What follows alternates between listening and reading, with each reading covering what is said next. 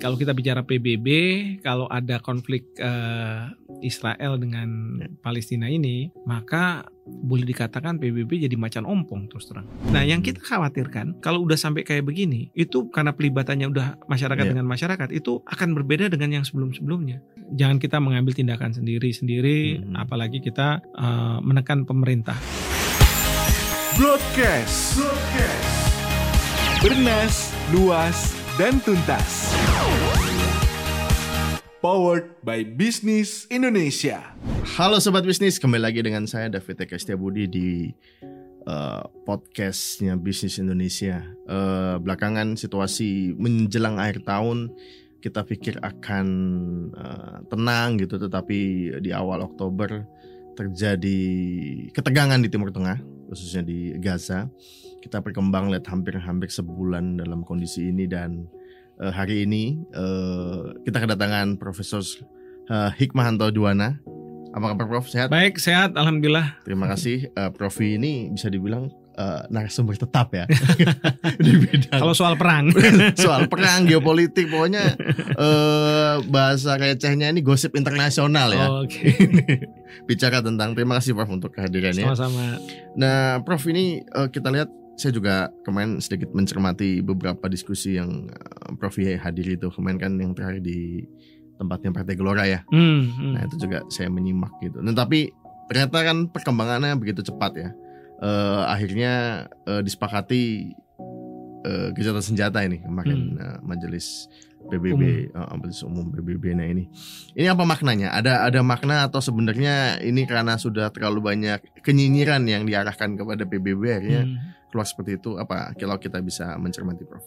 Iya, yang pasti begini. Kalau kita bicara PBB, kalau ada konflik eh, Israel dengan Palestina ini, di mana ada kekuatan besar di belakangnya, yaitu Amerika Serikat di belakang Israel, maka boleh dikatakan PBB jadi macan ompong terus terang. Hmm. Ya, jadi kemarin ini kan eh, di Dewan Keamanan PBB eh, yang sebenarnya punya gigi kalau di sana, karena dia bisa memandatkan eh, untuk adanya penggunaan kekerasan terhadap uh, satu negara lah gitu ya Hmm. Uh, untuk menyetop misalnya perang dan lain sebagainya. Nah itu kan ada resolusi dari Rusia Ya. draft resolusi yang disampaikan, tetapi oleh Amerika Serikat diveto. Ya. Ya, jadi Hmm. nggak ada nggak nggak nggak bisa lah nggak jalan. Hmm. Uh, dan Ibu Menlu Menlu kita juga sudah berbicara juga di situ di dalam forum itu. Tapi sepertinya Amerika nggak mendengarkan ya eh, tutup kuping aja kelihatannya jadi eh, tidak berhasil nah karena tidak berhasil di Dewan Keamanan PBB maka negara-negara membawanya ke Majelis Umum PBB Ya. Hmm. karena Majelis Umum ini kan eh, nggak ada negara anggota yang punya veto Ya. seperti di Dewan Keamanan PBB yang dimiliki Hmm. oleh lima negara nah di Majelis Umum satu suara eh, satu negara satu suara ya dan waktu itu juga sudah disampaikan sebuah resolusi dan sudah di eh, apa di voting Iya. dan ham, seratusan lebih lah itu setuju untuk eh, diakhirinya eh, serangan oleh Israel Hmm. ke Gaza tapi eh, apa namanya memang negara-negara seperti Belanda Amerika Serikat gitu ya Masih.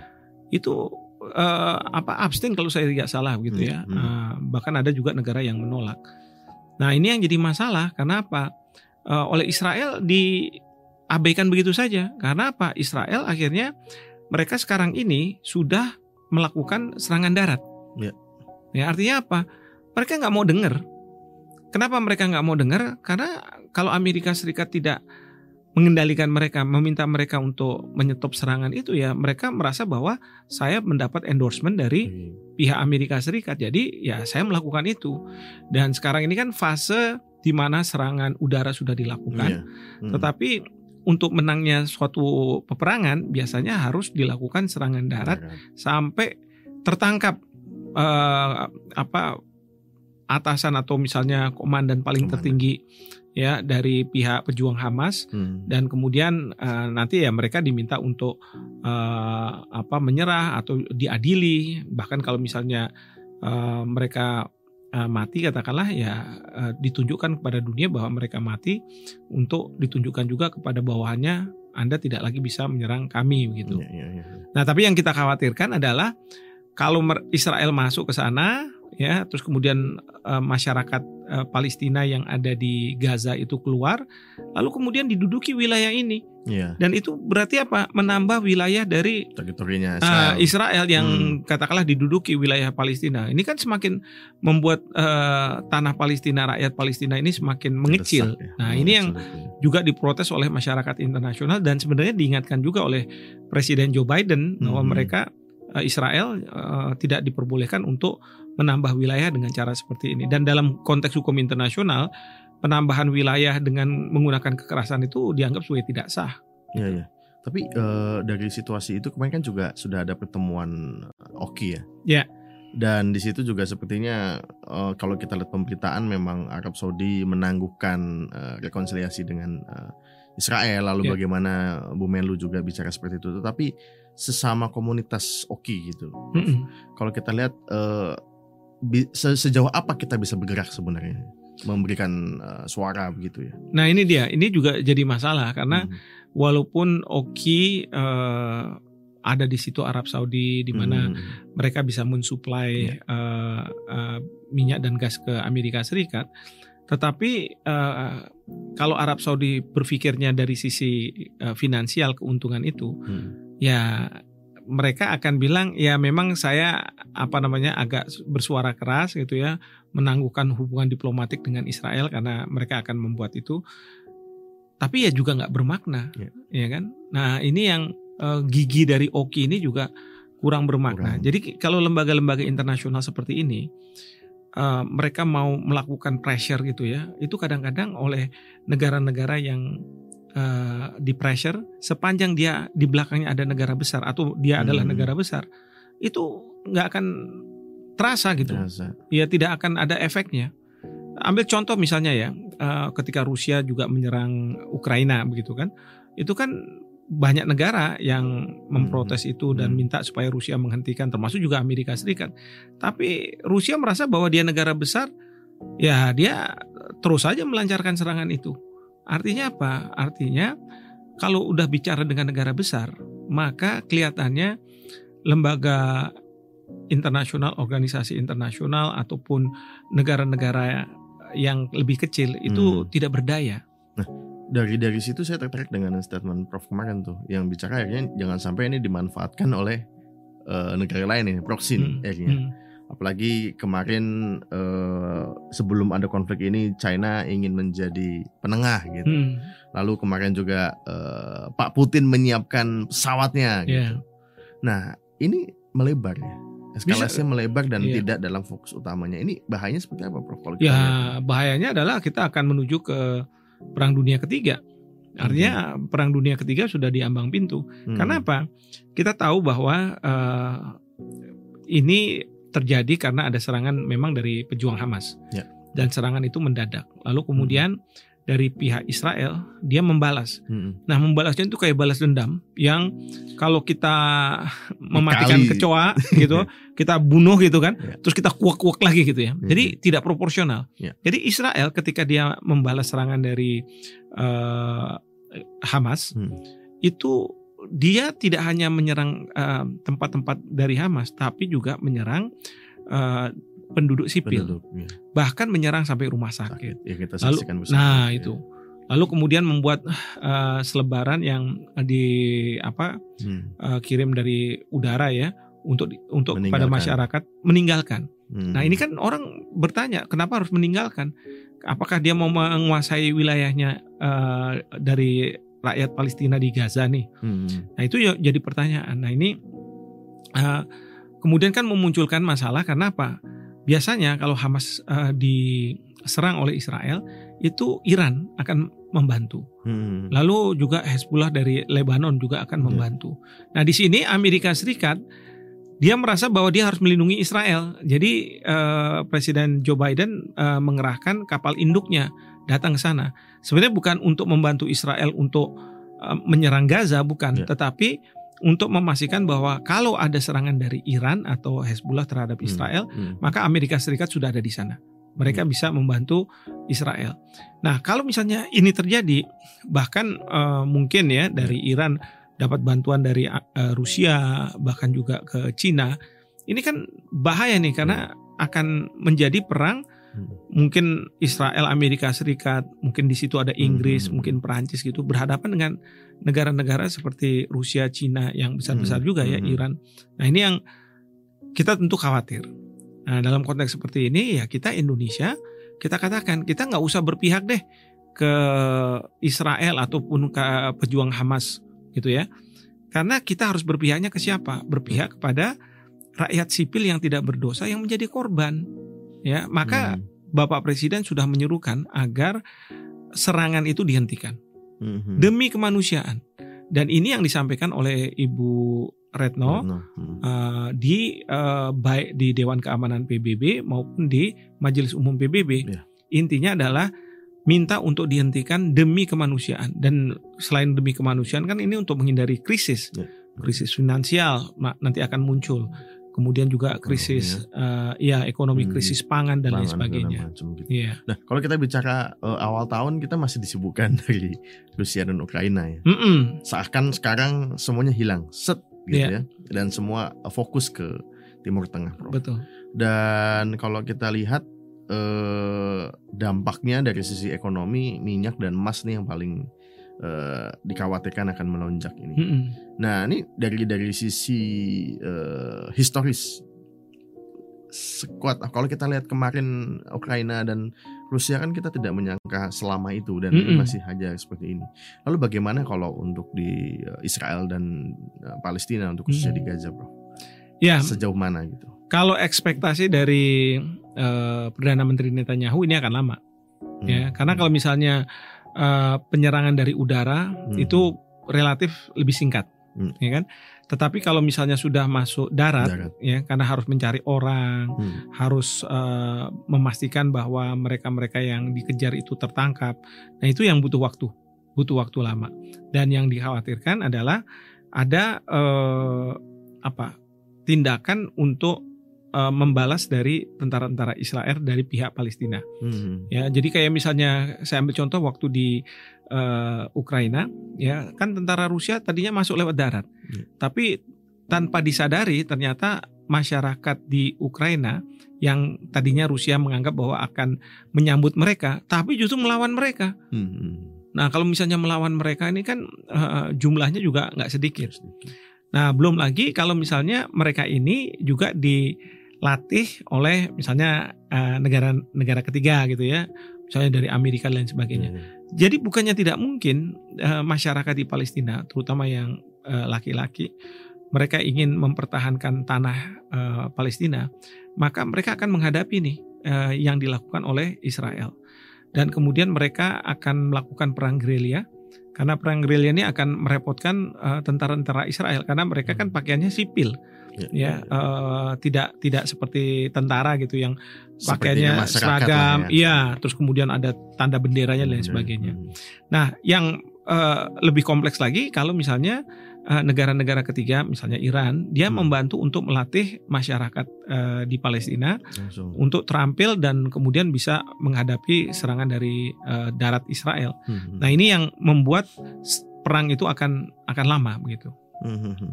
Kalau bicara akan lama ini tentunya memperpanjang risiko-risiko yang tadi Prof sampaikan juga. Nah dari sisi eh, dalam negeri ini sejauh mana Indonesia bisa berperan aktif? Apakah eh, seoptimis kita melihat Presiden Jokowi datang ke Rusia Hmm. dan ke Ukraina gitu? Mm-mm. Atau hanya sebatas seruan telepon antara Hmm. kepala negara ini yang yang kita sebagai eh, negara dengan umat muslim terbesar ya Prof? Ya. Bagaimana Ya. kita bisa Ya, sebenarnya gini, yang pertama adalah saya berharap uh, publik kita tidak uh, berhadapan dengan pemerintah dengan mengatakan pemerintah belum melakukan uh, upaya yang maksimal. Hmm, hmm. Pemerintah sudah melakukan upaya yang maksimal. Bahkan pemerintah sudah menggunakan jalur-jalur yang resmi yang ada. Hmm, hmm. Apakah itu lewat OKI, apakah lewat PBB, bahkan di PBB kemarin tuh Dewan Keamanan PBB sudah uh, bicara Ibu Menlu, kemudian Hmm. di Majelis Umum PBB, mungkin juga nanti di Dewan HAM PBB. Ya, Jadi hmm. semua itu sudah dilakukan.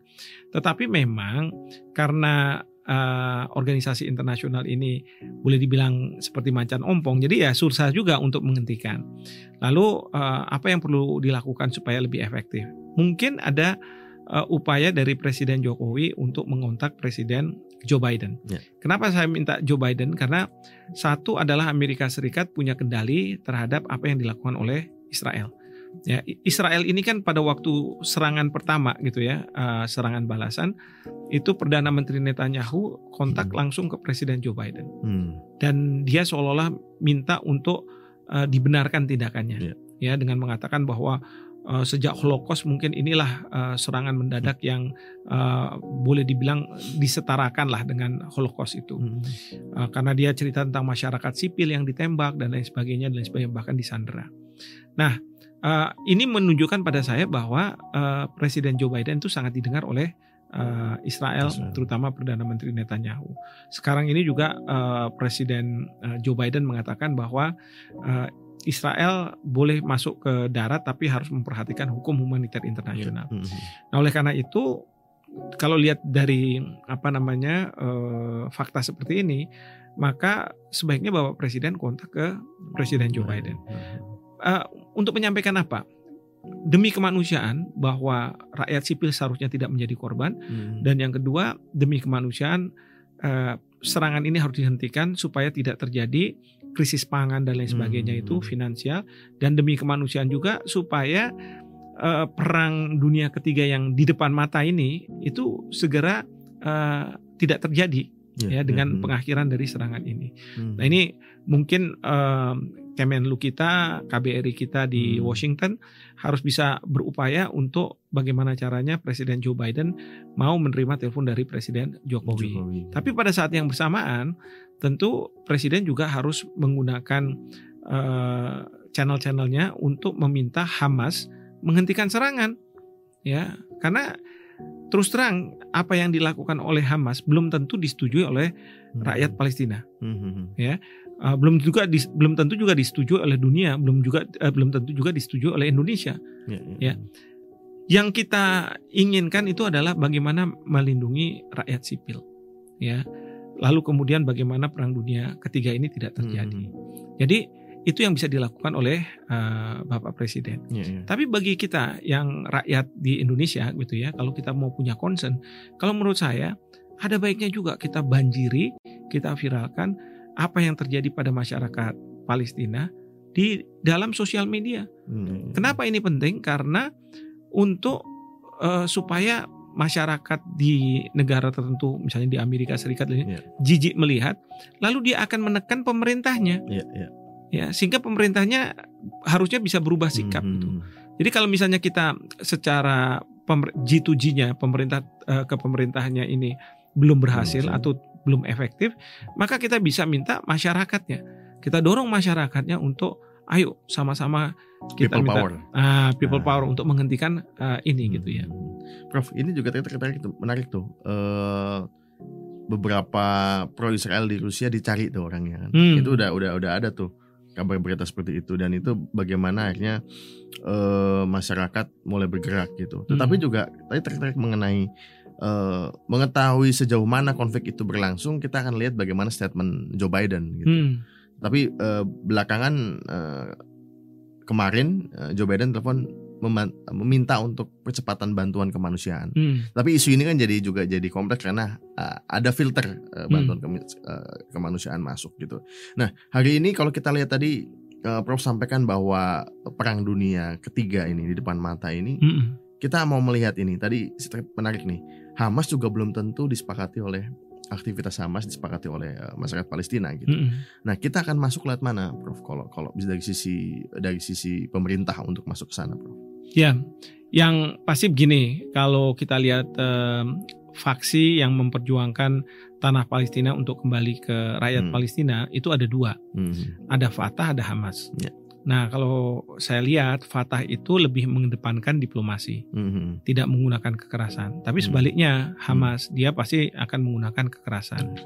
Nah, yang kedua adalah kalau eh, Fatah Hmm. itu bersedia untuk munculnya dua negara, yaitu negara Israel dengan negara Palestina. Hmm. Jadi itu istilahnya two state solution, Ya. solusi dua negara. Ini yang juga sudah disampaikan oleh Bapak Presiden, Hmm. kemudian juga diulang kembali oleh Ibu Menlu di eh, Majelis Umum PBB.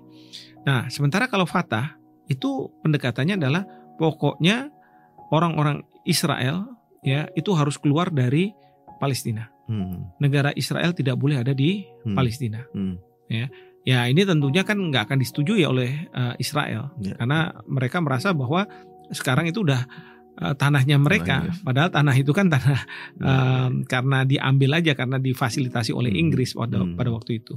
Nah ini yang eh, membuat dua eh, apa faksi yang berbeda di eh, di Palestina. Hmm. Nah, em, bagaimana ini ke depannya ini? Saya lihat memang kalau dari rakyat eh, Palestina di Gaza terutama ya setelah melihat kejadian seperti ini, ya mereka belum tentu juga setuju dengan apa yang dilakukan oleh Hmm. eh, pihak Hamas. Apalagi pejuang-pejuang Hamas juga di awal-awal tuh menyasar eh, orang sipil. Harusnya kalau misalnya kita bicara soal perang, ya dia jangan me- menyasar orang-orang sipil. Hmm. Harusnya yang kombatan, bukan yang non kombatan. Nah, eh, sekarang mulai Sandra dibebaskan oleh eh, pihak Hamas, terutama yang sudah tua begitu ya, eh, dengan harapan bahwa serangan itu akan mereda gitu ya. Hmm. Nah, tapi Israel ini kelihatannya dalam posisi yang pokoknya bagaimana ke depan itu pejuang Hamas itu tidak punya kemampuan untuk menyerang mereka. Apalagi menyerang mereka secara mendadak. Hmm. Nah, kalau kayak begini kan ya harus di benar-benar dihabisi gitu ya. Iya, eh, iya. kekuatan Hamas ini. Jadi situasi serangan pada tanggal 8 itu me- menjadi membuat Israel sangat marah ya Prof ya. Wah, iyalah eh, sangat marah dan Marah. dia merasa Tapi bahwa kecolongan ya Prof. nah saya nggak tahu kalau kecolongan. gitu. Tapi yang pasti gini, uh, pernah ingat nggak peristiwa Perang Dunia Kedua? Ya kan, Oke. itu kan uh, Jepang Hmm. melakukan surprise attack ke Pearl Harbor. Ya. Ya kan, Ya. Amerika Serikat kan marah. Saking marahnya apa yang dia lakukan? Iya. Menjatuhkan bom atom di Hiroshima dan Nagasaki. Hmm. Dan itu yang menurut Amerika Seri- Serikat menyelesaikan once and for all.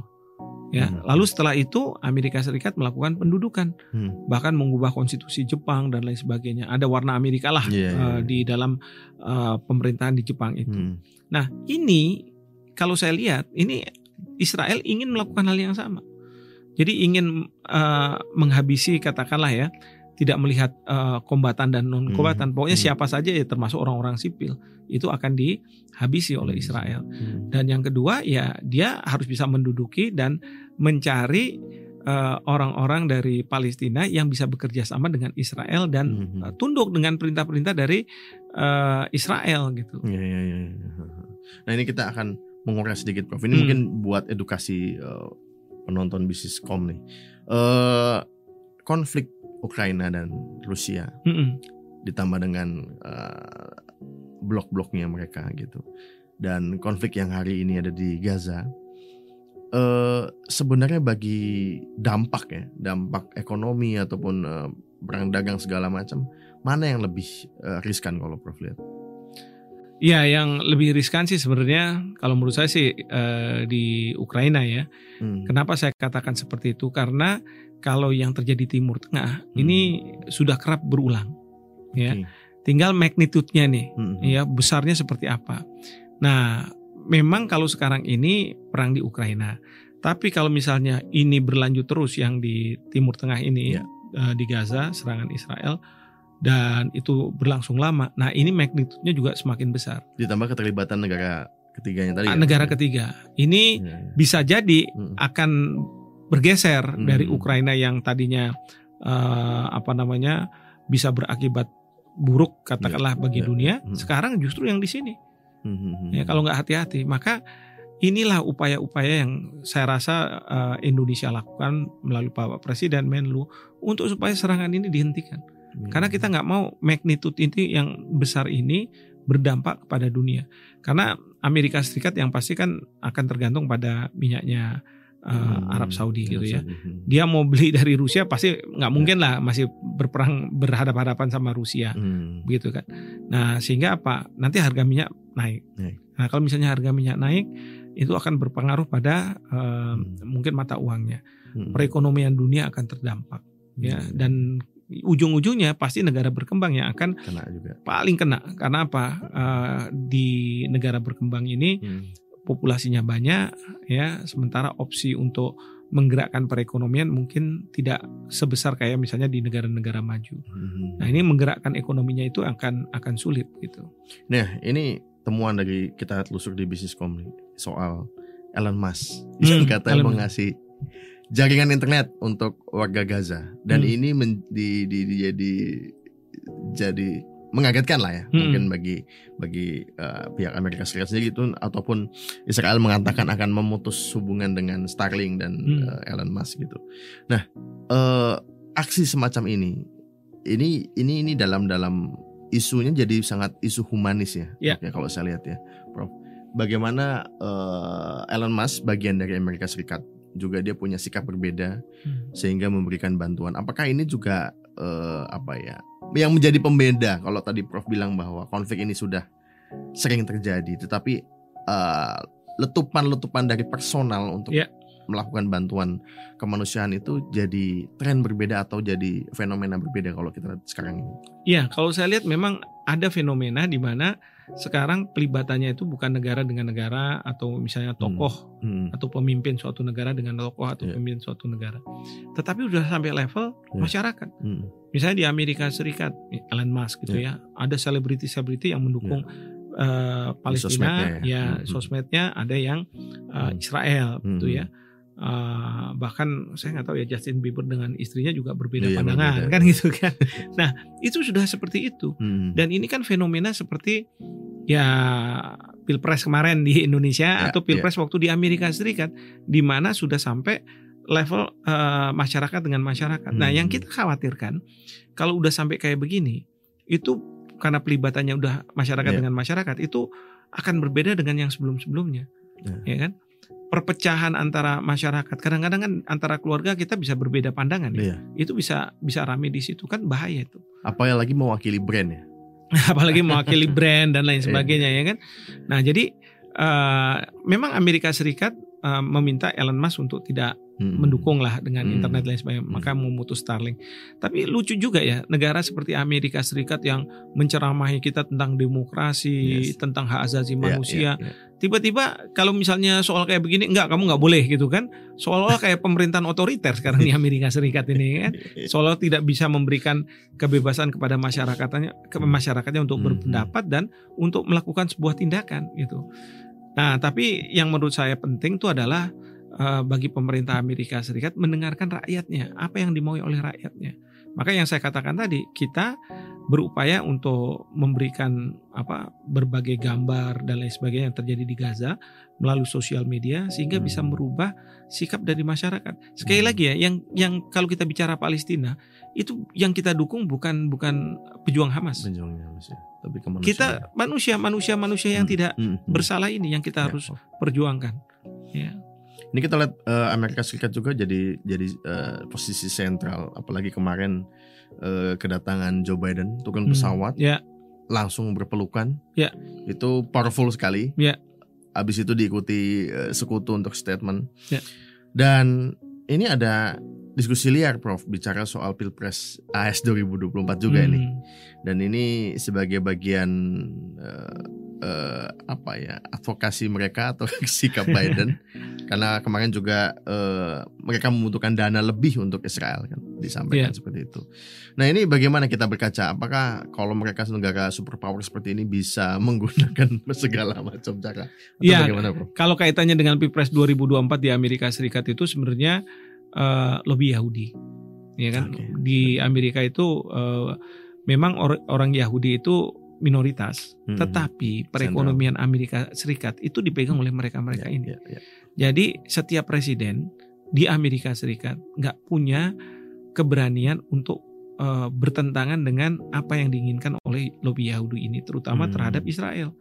Dan ini Israel memainkan lobby-lobby Yahudi ini ya Hmm, untuk hmm, eh, menekan eh, siapa pun yang jadi presiden untuk bertindak membenarkan tindakan Ya. yang salah dari Israel. hmm, Jadi misalnya Joe Biden datang, lalu kemudian ada pernyataan-pernyataan dan lain sebagainya.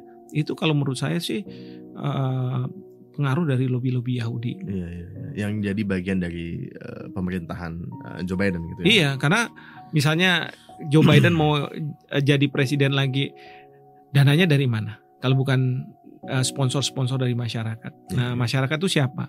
Hmm. Ya tentu eh, mungkin dari lobby Yahudi itu Hmm. dan siapa pun presiden ya akan tunduk dengan apa yang dimintakan oleh yang punya Hmm. uang ini kan. Hmm. Nah itu dia. Nah ini Prof bicara pilpres. Hmm. Kita juga pilpres nih Prof. Tapi dari dari saya saya mungkin eh, Prof bisa ngasih apa ya edukasi juga. Hmm. Jangan sampai ini juga dipakai untuk apa ya alat kampanye Iya. atau sebagai perbiakan. Tetapi eh, saya yakin eh, capres dan cawapres ini punya statement yang akan diingat, Hmm. minimal direkam dan akan ditagih. Ini Hmm. janjimu. Hmm. Mungkin Prof Mi kalau misalkan tim sesnya masing-masing capres mendengar ini, apa yang sebaiknya disampaikan dan apa sebaiknya tidak disampaikan terkait Iya. dengan konflik ini? Tiga hal sebenarnya. Pertama adalah percayakan masalah seperti ini kepada pemerintah. Oke. Ya, jangan kita mengambil tindakan sendiri-sendiri, Mhm. apalagi kita uh, menekan pemerintah. Mm-mm. Ya, karena Hmm. pemerintah akan melakukan upaya yang sangat luar biasa Hmm. dan pemerintah tunduk pada konstitusi kita bahwa penjajahan harus dihapuskan di uh, muka bumi ini, Hmm. maka pemerintah akan melakukan dan memastikan bahwa Israel uh, tidak akan terus berada di uh, tanah Palestina walaupun pemerintah bilang ya two state solution itu ya Ya. yang dimunculkan. Jadi itu yang pertama yang uh, harus kita lakukan. Yang kedua, eh, sebenarnya tidak perlu antar capres ini punya pandangan yang berbeda karena kalau kita bicara ke luar negeri kita harus satu suara nih. Nah, dan posisi kita apa? Posisi kita adalah politik luar negeri yang bebas aktif. Artinya politik luar negeri itu tidak eh, kemudian mendukung salah satu pihak, apakah pejuang Hamasnya ataupun eh, apalagi Israel gitu kan. Nah, kita tidak melakukan itu. Lalu siapa yang kita harus eh, lindungi dan kita harus berpihak? Rakyat Palestina yang Hmm. jadi korban, rakyat sipil, anak-anak, kemudian bayi, eh, Ya, ya. perempuan, Perempuan. orang tua, gitu ya. Nah, itu saya yakin harusnya siapa pun capresnya, dia harus mengatakan seperti itu, bahwa Hmm. kita punya keberpihakan terhadap eh, mereka ini, sehingga kita harus eh, melakukan tindakan-tindakan yang mungkin eh, untuk menyelamatkan Betul. mereka. Mhm. Nah, yang terakhir adalah eh, tentu eh, apa yang kita bisa berikan secara kemanusiaan eh, terhadap rakyat Palestina. Nah, sekarang ini kan banyak nih pasokan bantuan-bantuan yang akan Hmm. masuk.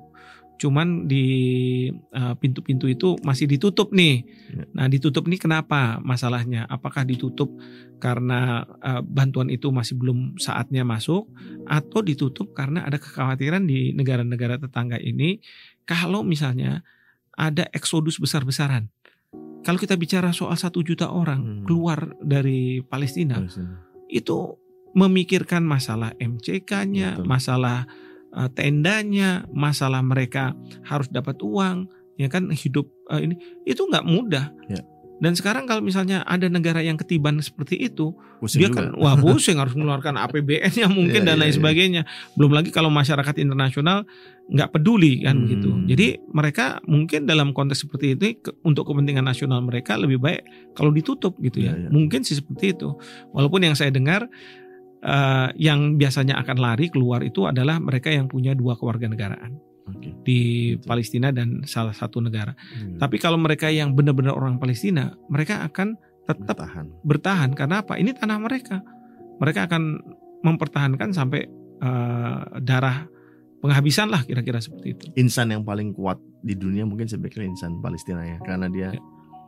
mengalami konflik. Iya, dan ini Berulang. berkali-kali kan berulang-ulang Iya, dan iya, lain iya. sebagainya. Mhm. Seperti itu. Iya, iya. Terima kasih Prof Hikmanto. Baik, Mas David, terima kasih. Ini luar biasa ini padat ini, padat berisi. Eh, Pak Rektor Unjani. Nah, ini saya saya lihat nih setelah eh, kereta cepat beroperasi, Prof. Iya. Jadi pandangannya enak banget kayak dari kantor Prof ya. Iya. dan juga dari kereta ngelihat gedung kita juga Tapi ngeliatnya masih bisa begini, Prof. Atau set gitu ya. masih bisa lihat. Oh, masih bisa lihat di di sambil eh, makan sate maranggi. Iya, betul. Prof Hikmanto terima kasih. Sama-sama. Terima kasih. semoga eh, apa yang disampaikan Profi memang menjadi eh, edukasi buat eh, teman-teman semua yang menyaksikan. Semoga juga kita berharap konflik ini segera berakhir Eh, dan tentunya apa ya wacana dunia tidak baik-baik saja itu setelah berlalu lah kita supaya bisa lebih baik lagi. Pak Hermanto terima kasih Sama-sama, untuk waktunya. Sampai jumpa di episode berikutnya.